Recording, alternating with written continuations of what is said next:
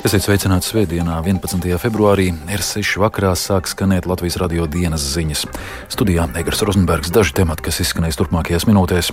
Ukrainā protestos pieprasa valdībai noteikt termiņus, kuros frontē karojošie varētu demobilizēties. Baltais nams pārmet Trumpam par viņa izteikumiem saistībā ar Krievijas uzbrukšanu NATO valstīm.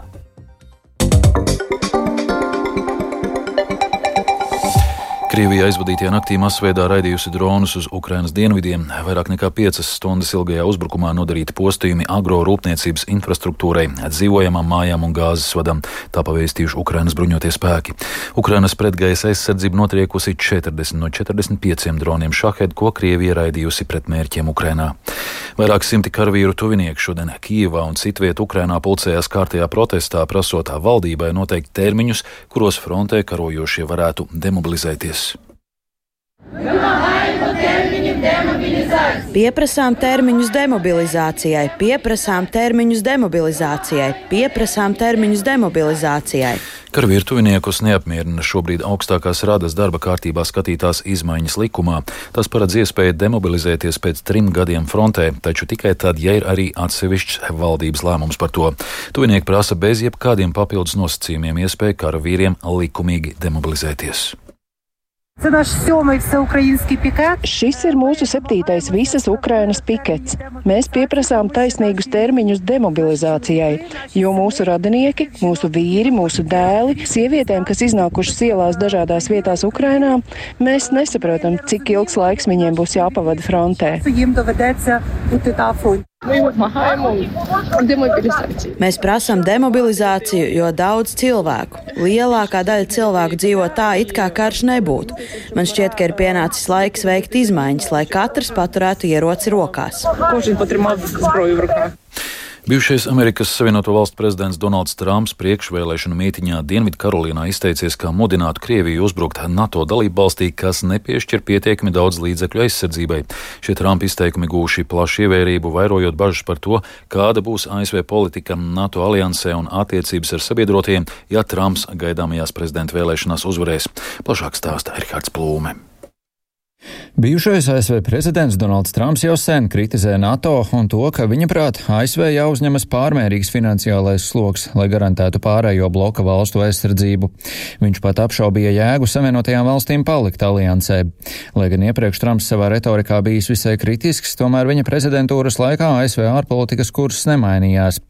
Lai gan retorika bijusi skaļāka par darbiem, taču bažas par viņa potenciāli negatīvo ietekmi gan uz ASV iekšpolitiku, gan ārpolitiku, ja viņš kļūs par nākamo ASV prezidentu, saglabājas. Un sestdien viņš ar saviem jaunākajiem izteikumiem šīs bažas tikai pastiprināja.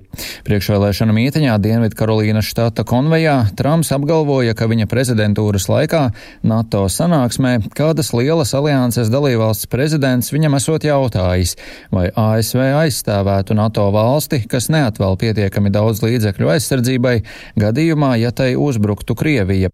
If we don't pay, are you still going to protect us? I said, absolutely not. They couldn't believe the answer. Viņa teica, labi, ja mēs nemaksāsim, vai jūs joprojām mūs aizsargāsiet? Es teicu, absolūti nē. Viņi nespēja noticēt atbildēji.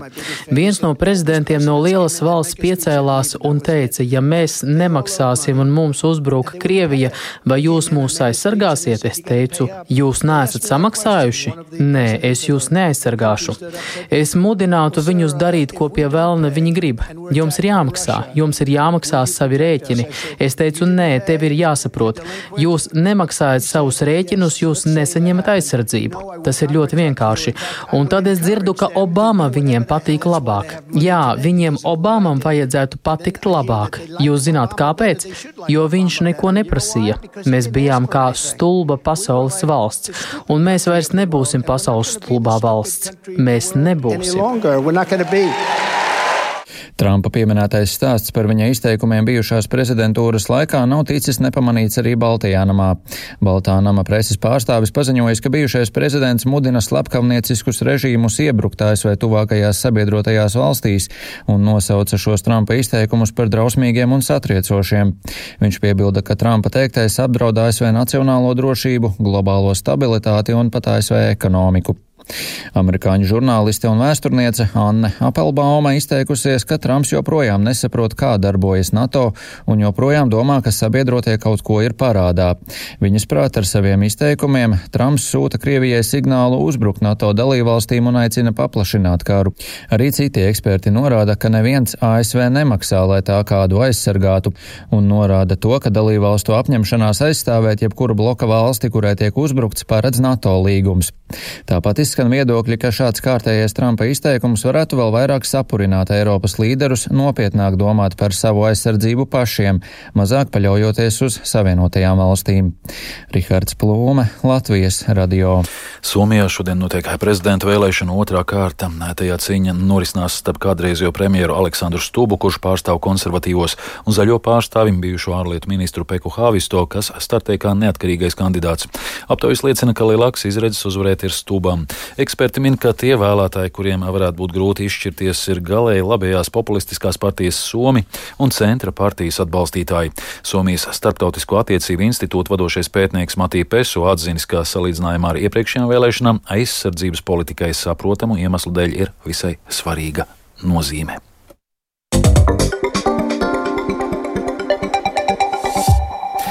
Valsts apmaksātas higiēnas preces skolās varētu būt pieejamas no nākamā gada. Pašlaik iniciatīva ir nodota atbildīgo ministriju rokās un notiek sabiedriskā apspriede. Vēl nav zināms, kādā veidā un kādas paketes varētu izsniegt, tāpat joprojām notiek aprēķini, cik tas varētu izmaksāt. Vairāk par tematu stāsta Paula Dēvica. Pagājušajā gadā saimā nonāca iedzīvotāju iniciatīva nodrošināt bezmaksas higiēnas preces meitenēm skolās. Vienlaikus tas kļuva arī par sabiedrībā plaši apspriestu tematu. Šobrīd attiecīgo noteikumu grozījumus gatavo atbildīgajās ministrijās. Veselības ministrijā izstrādāti noteikumu grozījumi paredz, ka līdzās izsniegtam toaletes papīram, salvetēm un ziepēm skolām būs jānodrošina arī higiēniskās paketes. Turpina ministrijas pārstāvis Oskars Šneiders. Šobrīd uh, paredzēts, ka projektā piedāvātais risinājums paredz, ka iespēja robežās izglītības iestāde šīs paketes nodošana atbilstoši tai viņa rocībai. Ja mēs runājam par tālāku perspektīvu, par iespējamu varbūt tādu plašāku nodrošinājumu izglītības iestādēs, tad uh, labklājības ministrija ir uzņēmusies koordinējošo uh, lomu jautājumu virzīšanai. Proti labklājības ministrijā atbild par nepieciešamā finansējuma pieprasīšanu nākamā gada budžeta veidošanas procesā. Pašlaik par izmaiņām noris sabiedriskā apspriešana un ir sākusies priekšlikumu iesniegšana. Pagaidām grozījumos nav noteikts konkrēts datums, no kura tiem jāstājas spēkā. Tātad atkarīgs, kad tos apstiprinās saimā. Viena no iniciatīvas autoriem, sieviešu sadarbības tīkla vadītāja Ineta Ielīte stāsta, ka šobrīd gatavo arī pilotu projektu balvu un aizkrauklas novados. Un pilotprojekta rezultātā arī tiks apzināts arī meiteņu viedoklis, skolu administrācijas viedoklis, kas bija viegli, kas bija grūti, kas jādara. Un tad šo institīvu būs vieglāk ieviest un virzīt vispirms cauri finanšu ministrijai uz ministru kabinetu un pēc tam jau uz saimu. Ielīte stāsta, ka strīdīgākie jautājumi līdz šim bijuši par to, kādās izglītības iestādēs paketes nodrošināt un kādā veidā tās izsniegt, piemēram, nosakot, ka tās pienākas tikai meitenēm no masturīgām ģimenēm. Taču tagad šie jautājumi esot atrisināti. Turklāt ir izglītības iestādes, kas lēma negaidīt uz likumdevēju un rīkojās pašas. Piemēram, Jūrmālas valsts ģimnāzijā šogad visās toaletēs ir pieejamas divu veidu higiēniskās paketes. Tā stāsta direktore Ieva Tarā. Miranda. Un meitenes ļoti labprāt lieto. Un... Mums, protams, radās jautājums ārprāt, kā mums būs, un kurās nesīs ārā pa skolas durvīm un, un taisīs biznesu no tā visa. Nu, tas ir pilnīgi absurdi tā domāt, jo, jo meitenēm tas ir ļoti nepieciešams. Meitenes beigolā neizvēlās to, vai viņām būs eh, šīs eh, ciklu dienas vai nē, tā ir vienkārši fizioloģija. Nu, lūk, un tā mēs tā ļoti laimīgi dzīvojam līdz šai dienai. Gimnāzijā paketes iegādājās ar skolas budžetā atlikušo naudu un pašvaldības piešķirto atbalstu. Paredzams, ka valsts finansētas higienas paketes skolās varētu būt pieejamas no nākamā gada. Paula Dēvica, Latvijas radio. Latvijas sieviešu basketbola izlasē šobrīd Rīgā aizvada Eiropas čempionāta kvalifikācijas spēli tiekoties pret Izraēlas valsts vienību. Spēli klātienē vēro kolēģis Rēnis Grunspēņķis, kurš pievienojies tiešraidē no Olimpiskā sporta centra. Sveiks un kāda ir atmosfēra un kā līdz šim aizritējusi spēle? Jā, sveiks, Aigar, labvakar, klausītāji. Nu, atmosfēra ir diezgan laba, skatītāju tribīnes ir gandrīz pilnībā aizpildītas. Un, jā, pavisam nesen ir sācies spēles otrais puslaiks. Pirmo Latvijas basketbolistis gan noslēdza atrodoties iedzinējos ar 35-44, bet tagad trešajā ceturdaļā pa mazāk nekā divām minūtēm ir jau sadev, izdevies sadeldēt uh, deficītu līdz tikai divu punktu starpībai 42-44. Ja runājam par spēles gaitu, tad spēles pirmā ceturdaļa bija līdzīgāka, eh, taču otrajā ceturksnī Latvijas pieļāva krietni vairāk kļūdas saspēlē un arī, piemēram, pārējā no aizsardzības uzbrukumā. Tāpat eh, Izraēla izcēlās ar augstāku metienu precizitāti groza tuvumā. Rezultatīvākā no latvietēm ar deviņiem punktiem pirmajā puslaikā bija Anete Steinberga. Ehm, izredzes pacīnīties par uzvaru noteikti vēl ir ehm, saglabājušās un ir ehm, pietiekami labas. Un atgādināšu, ka šai spēlē tieši raidē var sakot līdzi kanālā LTV 7. Aigar? Šodien iedzīšanas sacensības pasaules čempionātā Biatlona aizvada Baiva Bendika un Andrejs Rastorgujevs. Kā viņiem veicies? Jā, Baiba Bentika startēja ar augsto piekto numuru un distancē devās 47 sekundes aiz līderes Žulijas Simonas no Francijas. Nu, Bendikai neveiksmīgas izrādījās pirmās divas šaušanas guļus, kurās kopā tika nopelnīti pieci soda apļi. Līdz ar to distances vidū Bendika bija noslīdējusi līdz pat 26. vietai. Tomēr pārējās divās ugunslīnijās stāvus eh, viņai veicās labāk, un tajās Latvijai pieļāva tikai vienu kļūdu. Finišā Bendika ieslēpoja 11. vietā. Vīrieši tikai tagad ir uzsākuši sacensības sacensības, un Andrijam Rastargojevam ir 12. starta numurs, 1 minūte un 17 sekundes aiz līdera. Vēl no ziemas sporta veidiem noteikti jāpiemina arī kamaniņu sports, jo pasaules kausa posmā Oberhofā šodien vieninieku sacensībās vīriešiem uzvaru izcīnīja Kristers Aparjots. Pēc pirmā brauciena viņš bija tikai 17. taču siltajos laikapstākļos ļoti parocīgi bija startēt agrāk, kas ļāva Aparjodam otrajā braucienā pakāpties līdz pat pirmajai vietai. Stafetē Latvija izcīnīja sudraba medaļas. Aigar? Jā, un kādi vēl sporta notikumi šodien gaidāmi? Šovakar uh, ir vēl kam pasakot līdzi. Uh, agrā spēle Nacionālajā basketbola asociācijā plānot Kristupam Porziņģim un viņa Bostonas Celtics, kas pulksten 9 pēc Latvijas laika izbraukumā tiksies ar Miami Heat. Savukārt jau naktī ir paredzēts gada lielākais notikums Ziemeļamerikas sportā - Amerikāņu futbola līgas NFL fināls jeb Super Bowl. Tajā tiksies San Francisco 49ers uh, pret pagājušā gada čempioni Kansas City Chiefs. Šī mača sākums Lasvegasā ir pusdivos naktī pēc Latvijas laika. Vēl noslēgumā piebildīšu, ka šobrīd rezultāts eh, Latvijas sieviešu basketbola izlases spēlē jau izlīdzināts 44 pret 44. Aigar? Jā, paldies, eh, Reini. Un vēl Rīgas zooloģiskajā dārzā februārī apmeklētāji aicināti iepazīt bez mugurkaulniekus, uzzinot daudz jaunu par skudrām, zirnekļiem, gliemežiem. Tradicionāli šīs mēnesis zoodārzā ir veltīts tropiem. Bez mugurkaulnieku kolekcija ir viens no Rīgas zoodārza lepnumiem. Tropu mājās šobrīd aplūko aplūkojamas vairāk nekā 20 bez mugurkaulnieku sugas - skorpioni, tūkstoškājīgi, liemeži, zirnekļi un dažādi kukaiņi, kā prusaki, sienāži un zarkukaiņi.